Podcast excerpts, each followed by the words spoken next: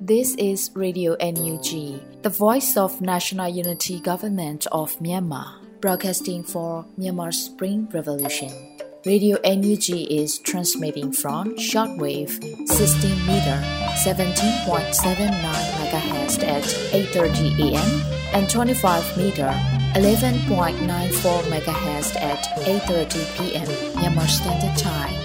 မင်္ဂလာပါရှင်။ မြို့သားညီညွတ်ရေးအစိုးရရဲ့အတန်လွန်ဌာန Radio NUG ကိုမနက်ပိုင်း၈နာရီခွဲမှာလိုင်းတူ16မီတာ19.89 MHz ညပိုင်း၈နာရီခွဲမှာလိုင်းတူ25မီတာ17.6 MHz တို့မှာဓာတ်ရိုက်ဖမ်းယူနိုင်စေနိုင်ပါရှင်။မင်္ဂလာအပေါင်းနဲ့ပြည့်စုံကြပါစေ။အခုချိန်ကစပြီး Radio NUG အစီအစဉ်လေးကိုဓာတ်ရိုက်အတန်လွှင့်ပေးနေပါပြီရှင်။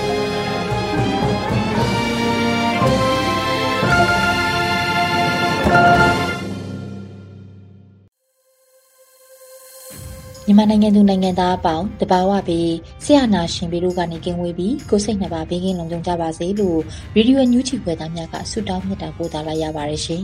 ။ခုချိန်ကစပြီးကာဝေးဝင်ကြီးဌာနရဲ့စီရေးသတင်းချင်းချုပ်ကိုတော့ Sodes လူနေမှဖတ်ကြားတင်ပြပေးပါတော့မယ်ရှင်။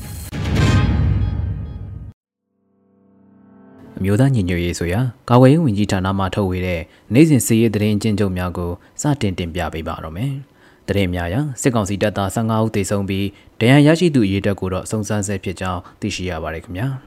စစ်ကောင်စီနဲ့တိုက်ပွဲဖြစ်ပွားမှုများမှာကရင်ပြည်နယ်တွင်ဒီဇင်ဘာလ19ရက်နေ့မနက်9:00နာရီခန့်က KNU တပ်မဟာ6ထိန်းချုပ်နယ်မြေတွင်ရှိကော့ဂရိတ်မြို့အထွက်ကောနှစ်ကျေးရွာနှင့်တရာကျိုးကျေးရွာနေရာတွင်စစ်ကောင်စီတပ်နှင့် KNL PDF ပူးပေါင်းတပ်ဖွဲ့တို့တိုက်ပွဲပြင်းထန်စွာဖြစ်ပွားခဲ့ကြောင်းသိရရှိပါရခင်ဗျာ။ စကိုင်းတိုင်းတွင်ဒီဇင်ဘာလ18ရက်နေ့မနက်9:25မိနစ်ခန့်ကရေဦးမြို့နယ်ကုန်းအောင်ကျေးရွာဘုံကြီးကျောင်းဘက်သို့ထွက်လာသောခမာယ903ခမာယ364စစ်ကောင်စီတပ်သားပြူစောတီ190ခန့်နှင့်ဒေသကာကွယ်ရေးတပ်ဖွဲ့ PDF LPDF တပ်ရင်တို့15မိနစ်ထိတွေ့တိုက်ပွဲဖြစ်ပွားရာစစ်ကောင်စီတပ်သား9ဦးသေဆုံးခဲ့ကြောင်းသိရရှိပါရခင်ဗျာဒီဇင်ဘာလ18ရက်နေ့နေ့လယ်3နာရီခန့်ကမော်လိုက်မြို့နယ်နတ်မလွန်ချောင်းနဲ့နင်္ကတာချားတွင်ဝဲတောင်းသို့တက်လာသောစစ်ကောင်စီတပ်သားများကို မော်လိုက်မြို့နယ်ပကဖာနှင့် PDF တရင်များမှချားဖြတ်တိုက်ခတ်ရာစစ်ကောင်စီတပ်သား10ဦးသေဆုံးခဲ့ကြောင်းသိရရှိပါရခင်ဗျာမန္တလေးတိုင်းတွင်ဒီဇင်ဘာလ20ရက်နေ့ညနေ6နာရီခန့်ကတပိတ်ချင်းမြို့နယ်ဆယ်စင်းကုန်းနှင့်မင်းကုန်းရွာကြားတွင်အရက်ဝစ်ဖြင့်စစ်ကောင်စီအင်အား10ဦးကျော်ခန့်ပါဝင်လာသော light truck ကားတစ်စီးကိုကြာညက်ပြည်သူ့ကာကွယ်ရေးတပ်ဖွဲ့မှမိုင်းနှလုံးဖြင့်စောင့်ကြိုတိုက်ခိုက်ခဲ့ကြောင်းသိရရှိပါရခင်ဗျာ စစ်ကောင်စီကျူးလွန်သောရာဇဝတ်မှုများမှာကရင်နီကရားပြည်နယ်တွင်ဒီဇင်ဘာလ19ရက်နေ့နေ့လယ်2:30မိနစ်ခန့်ကလွိုင်ကော်မြို့နယ်နောက်ရကန်တောင် EPC ရုံးရှိနှင့်တောင်ကွဲစီဒီအနီးတွင်စစ်ကောင်စီတပ်သားများအစစ်ဆေးကြမ်းနေပြီးလူငယ်2ဦးအားဖမ်းဆီးခေါ်ဆောင်သွားကြောင်းသိရရှိပါရခင်ဗျာ။စကိုင်းတိုင်းတွင်ဒီဇင်ဘာလ20ရက်နေ့နေ့လယ်3:30မိနစ်ခန့်ကထီးချိုင်းမြို့နယ်တခေါချောင်းကျေးရွာရှိနေအိမ်များကိုစစ်ကောင်စီတပ်များကသရုတ်ထအကြိမ်မြောက်အဖြစ်မိရှုဖျက်ဆီးခဲ့ကြောင်းသိရရှိပါရခင်ဗျာ။ ဒီဇင်ဘာလ19ရက်နေ့မနက်8:45မိနစ်ခန့်ကကမ်ဘလူမြို့နယ်ထန်ကုန်းကျေးရွာနှင့်လဲလကျေးရွာကြားရှိပြူစောထီး90ခန့်ကစီးပင်သာကျေးရွာကိုလက်နက်ကြီးလက်နက်ငယ်များဖြင့်ပစ်ခတ်ဝင်ရောက်ခဲ့ပြီးနေအိမ်သုံးလုံးကိုမိရှို့ဖျက်ဆီးခဲ့က6တန်းကျောင်းသားမောင်တုတဇောအသက်73နှစ်အားပြစ်တက်သွားခဲ့ကြောင်းသိရရှိပါရခင်ဗျာနေပြည်တော်တွင်ဒီဇင်ဘာလ19ရက်နေ့ကနေပြည်တော်ပြည်မနာမြို့နယ် NLD ပါတီလုံးမှုဆောင်ကိုတက်နောင်ဟိအားစစ်ကောင်စီမှထောင်နဲ့22နှစ်ချမှတ်ခဲ့ကြောင်းသိရရှိပါရခင်ဗျာ။ မန္တလေးတိုင်းတွင်ဒီဇင်ဘာလ20ရက်နေ့ကစင်ကူးမြို့နယ်ကြက်တူရွေရွာထဲမှာစစ်ကောင်စီအင်အား28ဦးခန့်ဟာဝက်ပေါင်းရွာမှငါးဖမ်းလုပ်ငန်းအင်းလုပ်ငန်း၏တဲအားမီးရှို့ဖျက်ဆီးခဲ့ကြောင်းတင်ရရှိပါရခင်ဗျာရန်ကုန်တိုင်းတွင်ဒီဇင်ဘာလ19ရက်နေ့ကတွန်တေးမြို့နယ်ကြောက်တရားလမ်းဖုံးဆိုင်မှာကိုလွင်မျိုးသူနှင့်အလုသမားကိုကျော်သက်2ဦးတို့ကိုစစ်ကောင်စီအဖွဲ့ဝင်များကဖမ်းဆီးသွားခဲ့ကြောင်းတင်ရရှိပါရခင်ဗျာ။ ယခုဖော်ပြပါတဲ့များကိုမြေပြင်သတင်းတာဝန်ခံများနဲ့သတင်းဌာနများမှဖော်ပြလာသောအချက်အလက်များပေါ်တွင်အခြေခံပြုစုထားခြင်းဖြစ်ပါတယ်ကျွန်တော်စောတဲလူနေပါ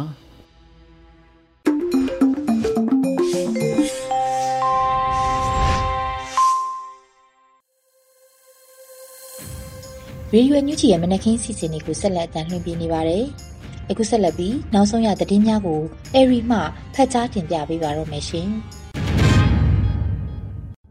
မင်္ဂလာမနက်ခင်ပါရှင်2022ခုနှစ်ဒီဇင်ဘာလ22ရက်နေ့ Radio NUG မနက်ခင်ပြည်တွင်သတင်းတွေကိုတင်ပြပေးတော့မှာဖြစ်ပါတယ်ကျွန်မကတော့ Airy ပါရှင်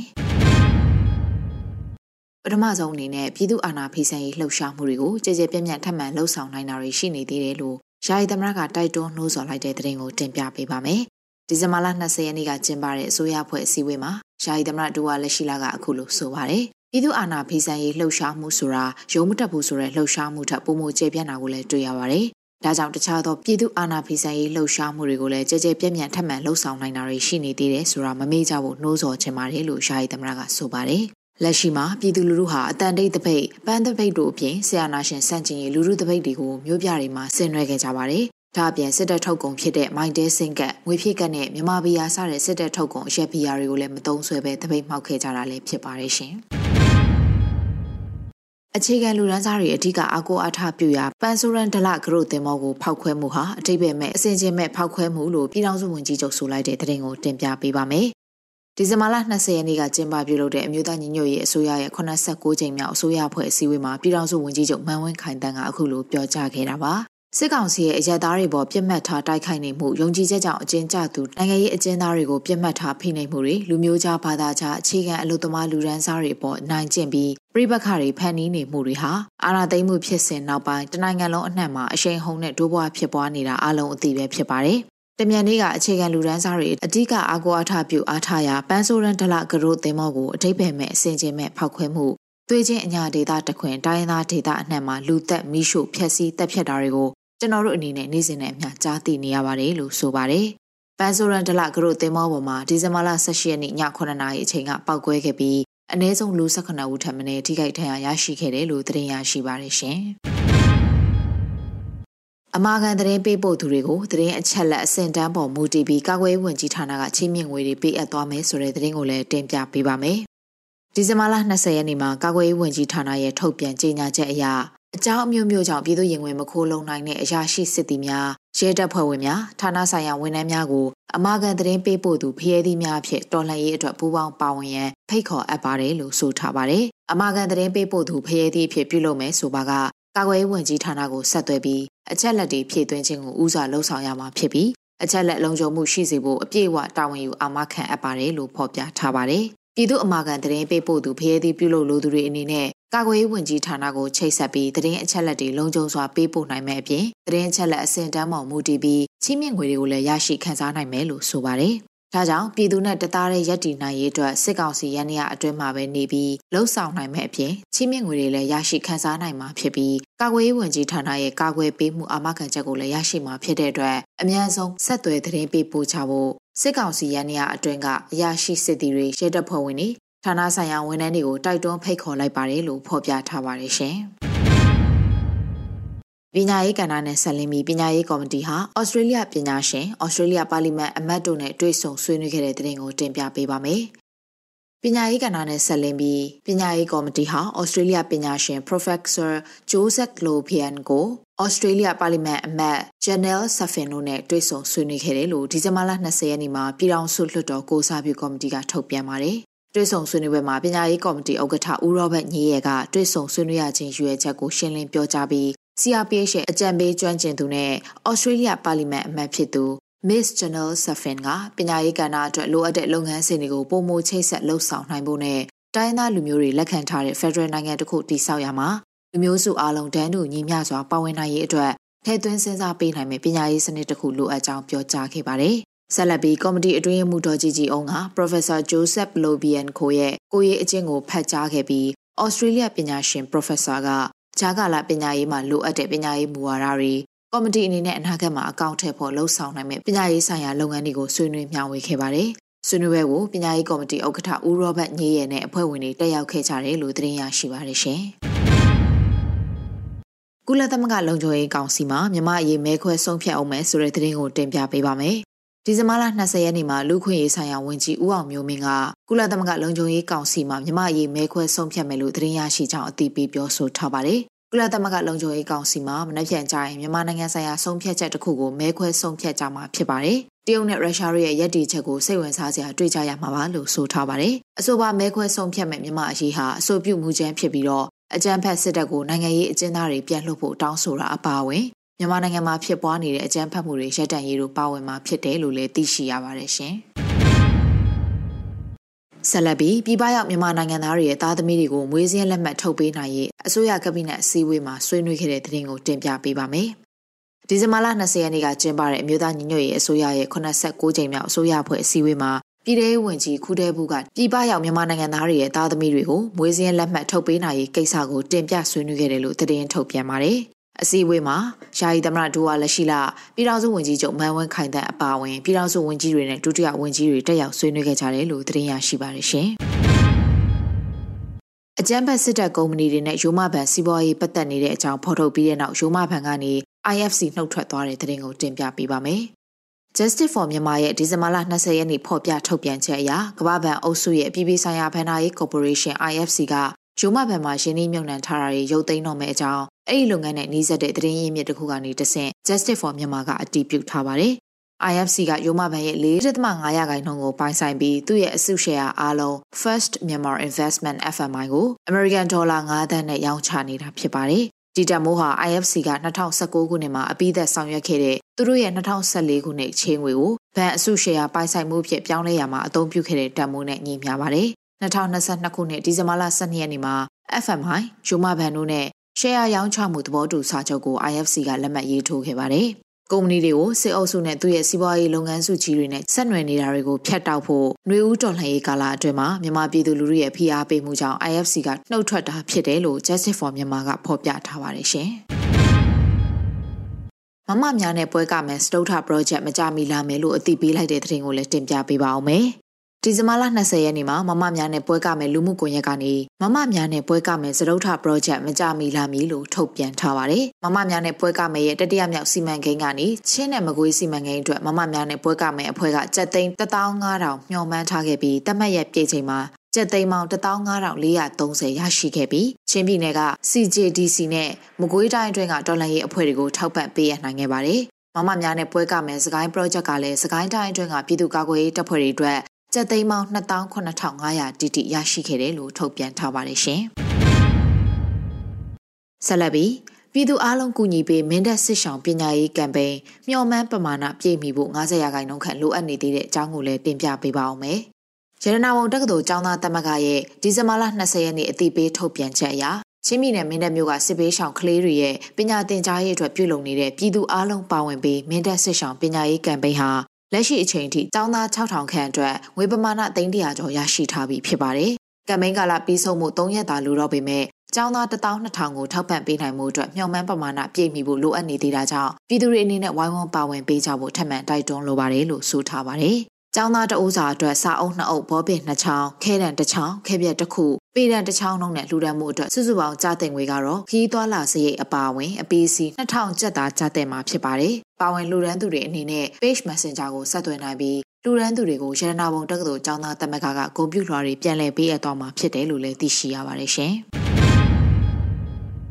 ဗမာပြည်သူလူမျိုးရေးတက်မတော် BPLA ကအပတ်စဉ်အသစ်အတွက် တင်နန်းသူတင်နန်းသားတွေထပ်မံခေါ်ယူနေတဲ့တဲ့တင်ကိုတင်ပြပေးပါမယ်။တပ်သားသစ်စုဆောင်ရေးနဲ့စီစီရေးဌာနရဲ့ဒီဇင်ဘာလအတွင်းတရားဝင်အသိပေးကြေညာချက်အရ BBLA ကနေအပတ်စဉ်အသစ်အတွက်တင်နန်းသူတင်နန်းသားတွေထပ်မံခေါ်ယူနေပါပြီ။ Page Messenger မှာစုံစမ်းလျှောက်ထားနိုင်ပါတယ်လို့သိရှိရပါတယ်။လျှောက်ထားသူတွေဟာအသက်16နှစ်ပြည့်ပြီးကျန်းမာတန်ဆွမ်းရမှာဖြစ်တယ်လို့တင်နန်းတက်ဖို့ဆုံးဖြတ်ထားပါကနေအိမ်နဲ့မိသားစုကိုပါအဆက်အသွယ်ဖြတ်ထားဖို့လိုအပ်မှလည်းဖြစ်ပါတယ် ဗမာပြည်သူ့လွတ်မြောက်ရေးတပ်မတော် PBLA ရဲ့အခြေခံစစ်တင်တဲ့အပတ်စဉ်လေးတင်နန်းဆက်မွဲအခမ်းအနားကိုအမှတ်တရခုနှစ်စစ်ဒေသမှာကျင်းပခဲ့ပါသေးတယ်ရှင်။အကွာဝေးတမိုင်အထိ80မမလက်နက်ကြီးအတိအကျပစ်ခတ်နိုင်ခဲ့ပြီလို့ Dog Hunter တပ်ဖွဲ့ကအသိပေးကြေညာလိုက်တဲ့သတင်းကိုတင်ပြပေးပါမယ်။ Dog Hunter တပ်ဖွဲ့ကဒီဇင်ဘာလ20ရက်နေ့မှာအသိပေးကြေညာချက်အရတရင်ဖွဲ့နိုင်မှုစ조사နေပါတယ်လက်နက်ကြီးတရင်ဖြစ်ဖို့ပါ လိုအပ်တဲ့အရာတွေစုဆောင်းပြီးအတိအကျပြစ်ခတ်နိုင်မှုစ조사နေပါတယ်။အကွာဝေးတမိုင်းအထိ80မမလက်နက်ကြီးအတိအကျပြစ်ခတ်နိုင်ခဲ့ပါပြီ။ကြကွဲအားကောင်းထိပ်ဖူးတွေအောင်မြင်ခဲ့ပါပြီလို့ဆိုပါတယ်။ဒါအပြင်လက်နက်ကြီးပြစ်ခတ်ချိန်ကင်းမုံဝတ်မဲ့သူတွေပြန်လည်ပြစ်ခတ်ဖို့မောင်းမြန်တဲ့ထက်လိုအပ်ချက်ရှိနေတယ်လို့လည်း Dog Hunter တပ်ဖွဲ့ကဆိုထားပါတယ်ရှင်။ရေးမြုံနယ်ခလာရ906ကိုရေးဘလူအဖွဲ့က RPG နဲ့ပြစ်ခတ်ရမှာစစ်ကောင်စီဘက်ကတေဆုံးထိခိုက်ဒဏ်ရာရရှိခဲ့တဲ့တဲ့ရင်ကိုလည်းတင်ပြပေးပါမယ်။ ဝန်ပြည်နယ်ရေးမြုံနယ်ခလာရ986ကိုရေးဘလူအဖွဲ့က RPG နဲ့ပြစ်ခတ်ရမှာစစ်ကောင်စီဘက်က4ဦးသေ3ဦးပြင်းထန်ဒဏ်ရာရရှိခဲ့တယ်လို့ဒီဇင်ဘာလ20ရက်နေ့မှာစစ်ရေးတဲ့ရင်ကိုရေးဘလူအဖွဲ့ကခေါင်းဆောင်ကအတည်ပြုပြောဆိုပါတယ်။ရေးမြုံနယ်တမိုင်ကျော်အကွာမှာရှိတဲ့986တရင်ကိုကျွန်တော်တို့ရေးဘလူအဖွဲ့ကတွားရောက်ပြစ်ခတ်ခဲ့တာဖြစ်ပါတယ်။ RPG အသုံးပြုတယ်။ M4 အတူအသုံးပြုပြီးတော့ဘန်ကာကိုဖြိုခွင်းတိုက်ခိုက်ခဲ့တာဖြစ်ပါတယ်စစ်ကောင်စီတပ်ဖက်ကအကြဆုံးကတော့၄ဦးကတော့ကြာပါတယ်။၃ဦးကတော့ထရအပြင်းထန်ရတယ်လို့ကျွန်တော်တို့သိရှိရပါတယ်လို့ဆိုပါတယ်။ ရေဘလူဖွဲ့ဟာပြည်သူတွေထောက်ပံ့ငွေနဲ့စစ်လက်နက်တွေဖြည့်ဆည်းထားပြီးစစ်စင်ရေးတွေဆက်လက်ဆောင်ရွက်သွားမယ်လို့လည်းဆိုထားပါတယ်ရှင်။စကိုင်းတိုင်းဝက်လက်မြို့နယ်မွေတလိုင်းကျေးရွာမှာအုပ်ချုပ်ရေးမှူးရုပ်လောင်းလာတဲ့ကားမိုင်းထီယာကကားလာတဲ့စစ်ကောင်စီတပ်စစ်ကြောင်းမှာမိုင်းထက်ထိခဲ့တဲ့တဲ့ရင်ကိုတင်ပြပေးပါမယ်။ စကိုင်းတိုင်းဝက်လက်မြို့နယ်မွေတလိုင်းကျေးရွာမှာအုပ်ချုပ်ရေးမှူးရုပ်လောင်းလာတဲ့ကားမိုင်းထီယာကကားလာတဲ့စစ်ကောင်စီတပ်စစ်ကြောင်းမှာမိုင်းထက်ထိတဲ့အတွက်၄ဦးသေဆုံးခဲ့တယ်လို့ဒီဇင်ဘာလ20ရက်နေ့မှာတောကြီးမှုပွေအဖွဲ့ကအတည်ပြုပြောဆိုပါတယ်။အုပ်ချုပ်ရေးမှူးတန့်စင်အလောင်းလာတဲ့ကားကိုမိုင်းဆွဲပြီးရှေ့ဆက်မသွားနိုင်လို့နောက်ထပ်ဖောကားနှစ်စီးနဲ့လာပြီးမွန်တက်12နာရီမှာခြေလျင်စစ်ကြောင်းထိုးလာတဲ့စစ်ကောင်စီတပ်တွေကိုမိုင်းဆွဲခဲ့ပါတယ်လို့ဖော်ပြပါတယ်။မိုင်းဆွဲတိုက်ခိုက်မှုဖြစ်စဉ်မှာစစ်ကောင်စီတပ်က၄ဦးမိုင်းထိသေဆုံးခဲ့ပြီးထိခိုက်သူတွေလည်းရှိနိုင်တယ်လို့သတင်းရရှိပါတယ်။ မွေဒလိုင်းကျေးရွာနေအုပ်ချုပ်ရေးမှူးဦးတန့်စင်ကိုဒီဇင်ဘာလ20ရက်နေ့မနက်9:45မိနစ်အချိန်လောက်မှာတောကြီးမွေဝေအဖွဲ့ကပဲပြစ်ခတ်ခဲ့တာဖြစ်တယ်လို့သိရှိရပါတယ်ရှင်။မွန်ရွာမြို့နယ်ပါလာဖပကဖ Special Force 11တို့ပူးပေါင်းတိုက်ခိုက်တဲ့စစ်စင်ရေးမှာစစ်ကောင်စီရဲ့တပ်ဖွဲ့ဘက်ကတအူးသေးဆုံးပြီးတနက်တလက်ကိုတင်စီရမိခဲ့တဲ့တဲ့ရင်ကိုတင်ပြပေးပါမယ်။မွန်ရွာမြို့နယ်ပါလာဖပကဖ Special Force 11တို့ပူးပေါင်းတိုက်ခိုက်တဲ့စစ်စင်ရေးမှာစစ်ကောင်စီရဲ့တပ်ဖွဲ့ဘက်ကတအူးသေးဆုံးခဲ့ပြီး တနက်တလက်ကိုတင်စီရမိခဲ့တယ်လို့ဒီဇင်ဘာလ20ရက်နေ့ညနေပိုင်းမှာမွန်ရွာပြည်သူ့လုံခြုံရေးအဖွဲ့ကအတည်ပြုပြောဆိုပါတယ်။မုံရွာမြို့နယ်ပါလာဖပကဖ Special Force 11ပူးပေါင်း mission ခွေးတစ်တနက်တစ်တိုက်ပွဲဗီဒီယိုဖိုင်အားမကြမီတင်ပြသွားမယ်လို့ဆိုထားပါတယ်။စစ်ကောင်စီတပ်တွေကိုမုံရွာမြို့နယ်အတွင်းမကြာခဏစစ်စင်ရေးတွေဆင်နွှဲလျက်ရှိနေတာလည်းဖြစ်ပါတယ်ရှင်။အခုတင်ပြခဲ့တဲ့သတင်းတွေကိုတော့ Radio NUG သတင်းတောက်မင်းမင်းကပေးပို့ထားတာဖြစ်ပါတယ်ရှင်။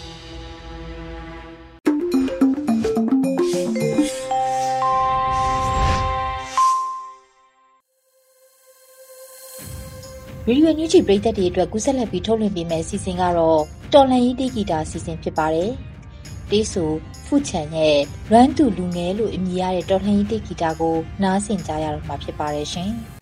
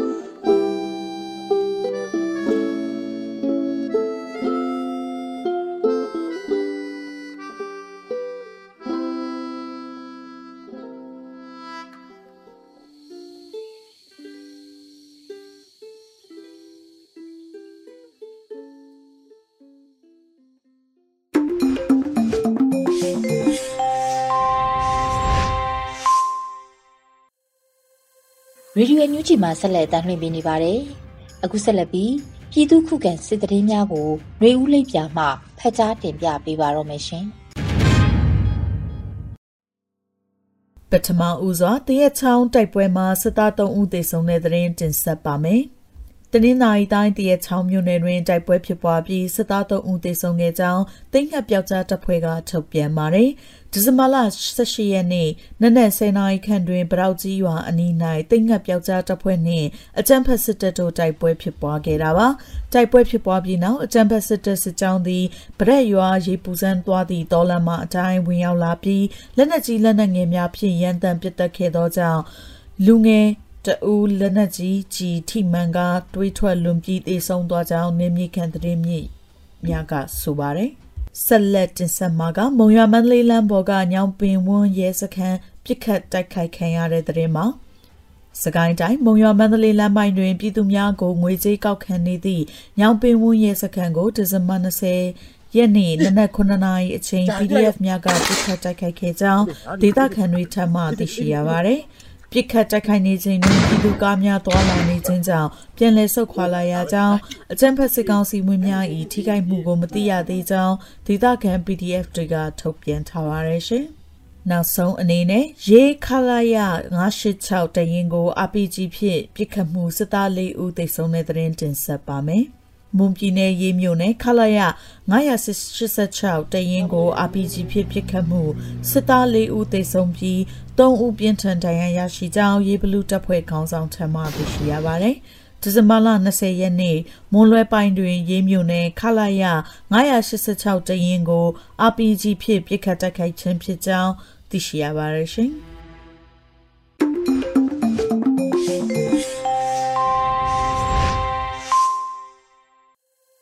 ရေရွယ်ညူချီပရိသတ်တွေအတွက်ကူးဆက်လက်ပြီးထုတ်လွှင့်ပေးမှာကတော့ PPTV ရဲ့နေ့စဉ်သတင်းများဖြစ်ပါတယ်။ထက်ထက်အိန္ဒြာအောင်မှဖတ်ကြားတင်ပြပေးပါရမရှင်။အခုချိန်ကစပြီး PPTV သတင်းတွေကိုတင်ဆက်ပေးတော့မှာပါ။ကျွန်မထက်ထက်အိန္ဒြာအောင်ပါ။ပထမဆုံးတင်ဆက်ပေးခြင်းတဲ့သတင်းကတော့အမျိုးသားညီညွတ်ရေးအစိုးရ89ကြိမ်မြောက်အစိုးရအဖွဲ့အစည်းအဝေးပြုလုပ်ခဲ့တဲ့သတင်းမှာ အစည်းအဝေးမှာအမျိုးသားညီညွတ်ရေးအစိုးရယာယီသမ္မတဒူဝါလက်ရှိလာကအကြမ်းဖက်စေအုပ်စုရဲ့ရွေးကောက်ပွဲဟာ၎င်းတို့အာဏာသက်ဆိုးရှိရေးနဲ့၎င်းတို့ရင်ဆိုင်နေရသောစစ်ရေးနိုင်ငံရေးအထွေထွေအချက်အတဲတွေကိုရှော့ချနိုင်ရေးအတွက်ရည်ရွယ်လုပ်ကြံတဲ့နိုင်ငံရေးလှည့်ကွက်နိုင်ငံရေးထောင်ချောက်သားဖြစ်ပြီး၎င်းတရားမဝင်အတူရောင်ရွေးကောက်ပွဲကိုကျွန်ုပ်တို့ပြည်သူတရက်လုံးကပြက်ပြက်သားသားစန့်ကျင်ဖို့လိုပါတယ်လို့ပြောကြားခဲ့ပါတယ်။ ဒါအပြင်2023ခုနှစ်ဟာစစ်ရေးနိုင်ငံရေးအချိုးအကွေတွေဖြစ်လာနိုင်မဲ့နှစ်လို့ယူဆအားကြောင့်တော်လိုင်းရေးလမ်းစဉ်ဒီမှာမဟာဗျူဟာရမမဖို့လိုအပ်တယ်လို့နီးဗျူဟာအပြင်အလွဲအချော်တွေမဖြစ်စေဖို့လဲလိုကြောင်းမိတ်ဆွေနိုင်ငံတွေစဉ်ဆက်မပြတ်တိုးပွားရေးနဲ့တန်တမရေးကွင်းပြင်မှာ NUG ရဲ့ဖြစ်တည်မှုပုံရိပ်တွေကိုဆက်လက်ထိန်းသိမ်းထားမှာဖြစ်ကြောင်းပြောကြားခဲ့ပါတယ်။ အစည်းအဝေးမှာနိုင်ငံသားရေးဝန်ကြီးဌာနက EU ASEAN Summit Site Meeting တွေမှာတွေ့ဆုံဆွေးနွေးခဲ့တာတွေနဲ့ရှေ့လုပ်ငန်းစဉ်တွေမှာထည့်သွင်းစဉ်းစားမဲ့မဟာဗျူဟာနဲ့ဆက်ဆက်လုပ်ငန်းတွေကိုတင်ပြတာပြည်ထောင်နဲ့လွှဲမှုကြီးကြပ်ရေးဝန်ကြီးဌာနဒုတိယဝန်ကြီးခုထေဘူးကပြပရောက်မြန်မာနိုင်ငံသားတို့ရဲ့တာသမီတွေကိုငွေစည်းလက်မှတ်ထုတ်ပေးနိုင်ရေးကိစ္စတင်ပြတာ စီရီယန်ဆက်ဆက်ကော်မတီရဲ့အတွင်းရေးမှူးဖြစ်တဲ့ပြည်ထောင်စုဝန်ကြီးဒေါက်တာဇော်ဝေဆိုကစီရီယန်ဆက်ဆက်ကော်မတီနှစ်ချုပ်အစည်းအဝေးခန်းစာတင်သွင်းတာတွေကိုပြုလုပ်ခဲ့ပါတယ်။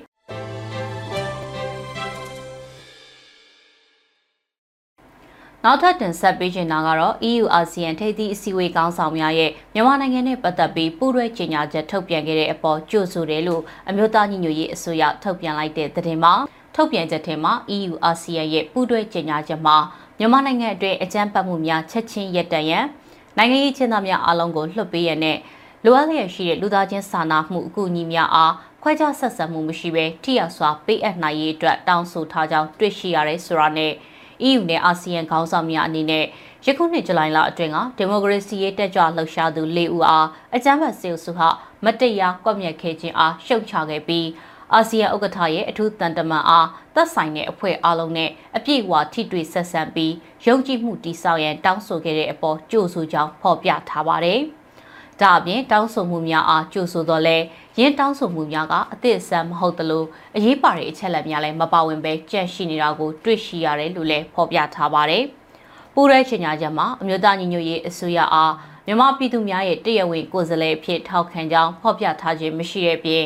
တရားမဝင်အကြမ်းဖက်ဆရာနာရှင်များရဲ့ကြမ်းကြုတ်ရုံမှရက်ဆက်မှုများကိုရှုံချကြောင်းဖော်ပြရလဲပြက်ကွက်ခဲ့တယ်လို့နိုင်ငံရေးဝန်ကြီးဌာနရဲ့ထုတ်ပြန်ချက်မှာဖော်ပြထားပါတယ်။သို့တော်လည်းအဆိုပါပူးရဲထုတ်ပြန်ချက်ကမြန်မာနိုင်ငံအတွင်းလူခွင့်ရေးနဲ့အခြေခံလွတ်လပ်ခွင့်များအခိုင်အမာဆက်လက်ရည်တည်ရေးတို့ကိုထင်ဟပ်တဲ့ငြိမ်းချမ်းသောဖြည့်ရှင်ချက်စီတို့ဥတီစီယံနှစ်ဆတို့စုပေါင်းကြိုးပမ်းမှုများဖော်ဆောင်သွားမဲ့ EU အာဆီယံဂရိကဝအားဖော်ညွှန်းထားတာကိုထိရှားစွာတွေ့မြင်ရတယ်လို့ဆိုထားပါတယ်။ လေရင်စီရောက်ချနေသူတွေပေါ်ဓာတ်ခတ်ပိတ်ဆို့မှုများချမှတ်ခြင်းအပါအဝင်အကြမ်းဖက်အပြစ်မဲ့အရက်သားတွေပေါ်နောက်ထပ်ရက်ဆက်ကျူးလွန်မှုများပြုလုပ်လာနိုင်မဲ့စစ်အုပ်စုရဲ့လှုပ်ဆောင်နိုင်စွမ်းအားဖြို့ဖျက်နိုင်ရန်အတွက်ထိရောက်တဲ့ဆောင်ရွက်မှုတွေကိုတောင်းဆိုရမှာဖြစ်တဲ့ဆိုတာနဲ့အကြမ်းဖက်စစ်အုပ်စုအနေနဲ့နိုင်ငံရေးအကျဉ်းသားများအားထပ်မံကွပ်မျက်ခြင်းမပြုနိုင်အောင်ပြင်းထန်တဲ့ဖိအားများပေးအပ်လိုအပ်တယ်လို့ထုတ်ပြန်ချက်ထဲမှာဖော်ပြထားပါတယ်။အမျိုးသားညီညွတ်ရေးအစိုးရဟာ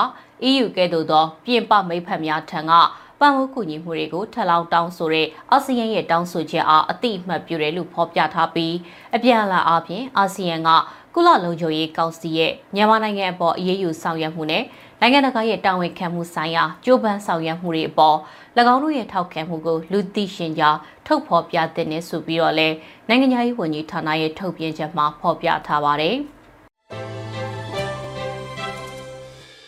နောက်ထပ်သတင်းတစ်ပုဒ်ကတော့အကြမ်းဖက်စစ်ကောင်စီက2023ခုနှစ်အောက်တိုဘာမှာပြုလုပ်ဖို့စီစဉ်ထားတဲ့အတူအယောင်ရွေးကောက်ပွဲအပေါ် EU နဲ့အာဆီယံကရက်တီချက်ရှင်းရှင်းလင်းလင်းဖြစ်ဖို့လိုအပ်တယ်ဆိုပြီးတော့ဥရောပပါလီမန်ဒုတိယဥက္ကဋ္ဌ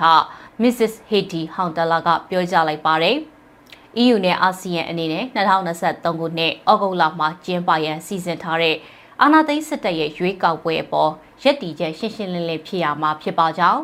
အာနာသိန်းစစ်တပ်ဟာရွေးကောက်ပွဲဟုပြောပေမဲ့လည်းရင်းကိုရွေးကောက်ပွဲလို့မခေါ်ဆိုနိုင်ပါကြောင်းဖနွမ်ပင်မှာကျင်းပခဲ့တဲ့အာဆီယံထိပ်သီးအစည်းအဝေးမှာနိုင်ငံတကာအားမြန်မာနိုင်ငံရဲ့ပြည်ပခါကိုအတူတကွဖြည့်ရှင်နိုင်ရန်တောင်းဆိုမှုကိုလည်းကြိုဆိုပါကြောင်းနောက်နှစ်အာဆီယံအလှည့်ကျဥက္ကဋ္ဌအဖြစ်တာဝန်ယူမဲ့အင်ဒိုနီးရှားဟာအထူးကဏ္ဍမှာရှိပါကြောင်း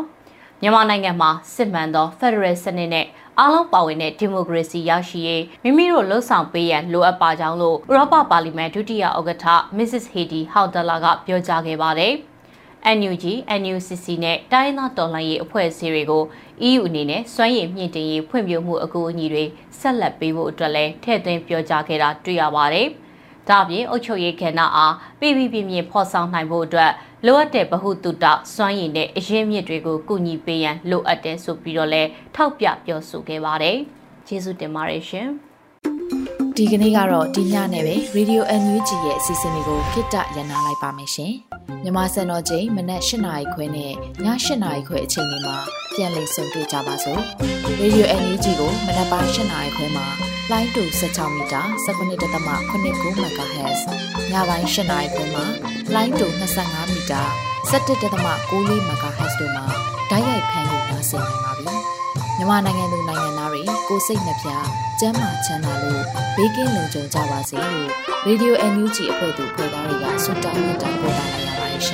အမျိုးသားညီညွတ်ရေးအစိုးရရဲ့စက်သွေးရေးသတင်းအချက်အလက်နဲ့လူပညာဝန်ကြီးဌာနကထုတ်လွှင့်နေတဲ့ Radio NUG ဖြစ်ပါတယ်။ San Francisco Bay Area အခြေစိုက်မြန်မာမိသားစုတွေနဲ့နိုင်ငံတကာကစေတနာရှင်လို့အားပေးနေတဲ့ Radio NUG ဖြစ်ပါတယ်။အရေးတော်ပုံအောင်ရမည်